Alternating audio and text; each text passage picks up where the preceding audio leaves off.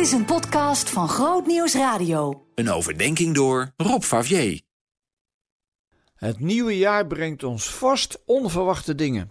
En dan hoop ik maar dat ze positief zullen zijn en dat we het bij kunnen benen. Want soms gaan dingen te snel. Het leven is vaak haasten en tijd tekort komen. En hoe moet je dan je aandachtspunten verdelen? Ik weet niet hoe jij het nieuwe jaar bent ingerold. Was 2023 makkelijk voor je geweest? Of heb je juist een rugzak met een enorm vervelende inhoud aan dat jaar overgehouden? En dan moet je weer, hè?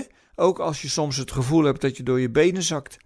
Ik zocht in de Bijbel naar mensen die een nieuwe start maakten in hun leven, omdat een nieuw jaar ook wel een beetje een nieuwe start is.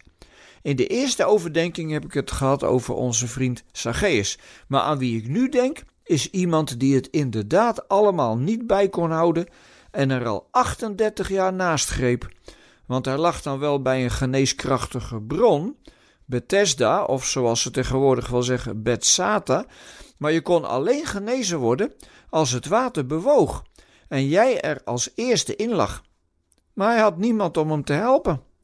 En dan komt Jezus langs en die doorziet dat en geneest hem. Even indenken wat er met die man gebeurt. Hè? Hij heeft daar misschien al 38 jaar gelegen en nu wordt hij opeens door Jezus op zijn benen gezet. Ongelooflijk. En weet je wat zo geweldig is aan deze verhalen? Jezus wil ons ook nog steeds op onze benen zetten. Het zou helemaal niet raar zijn als jij regelmatig het gevoel hebt dat je alle ellende niet meer kunt verdragen de ellende om je heen en misschien ook wel de ellende in je eigen leven. Zo zijn wij mensen nu eenmaal met een beperkt incasseringsvermogen.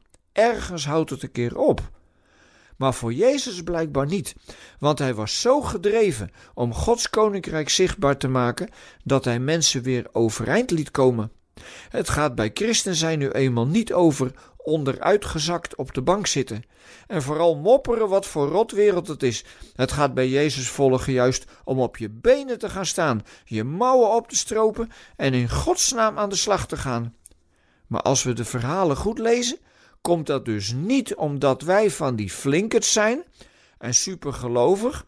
Het komt omdat Jezus ons op onze benen wil zetten. En dat wil hij altijd weer opnieuw doen. Ik ben niet zo'n held hoor, maar blijkbaar is Jezus in staat om onze beperkingen, onze wanhoop, onze woede, onze twijfels te overwinnen. Altijd weer.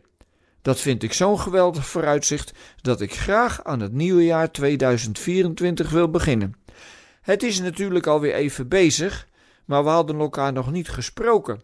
De overdenkingen van vorige week waren herhalingen, omdat zelfs ik wel eens even op vakantie wil. Maar ik stel voor dat we elkaar toeroepen: Jezus kan ons uit onze diepste verlamming halen.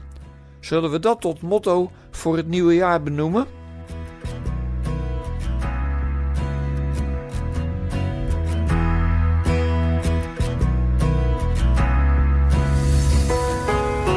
Meer verdieping? grootnieuwsradio.nl slash podcast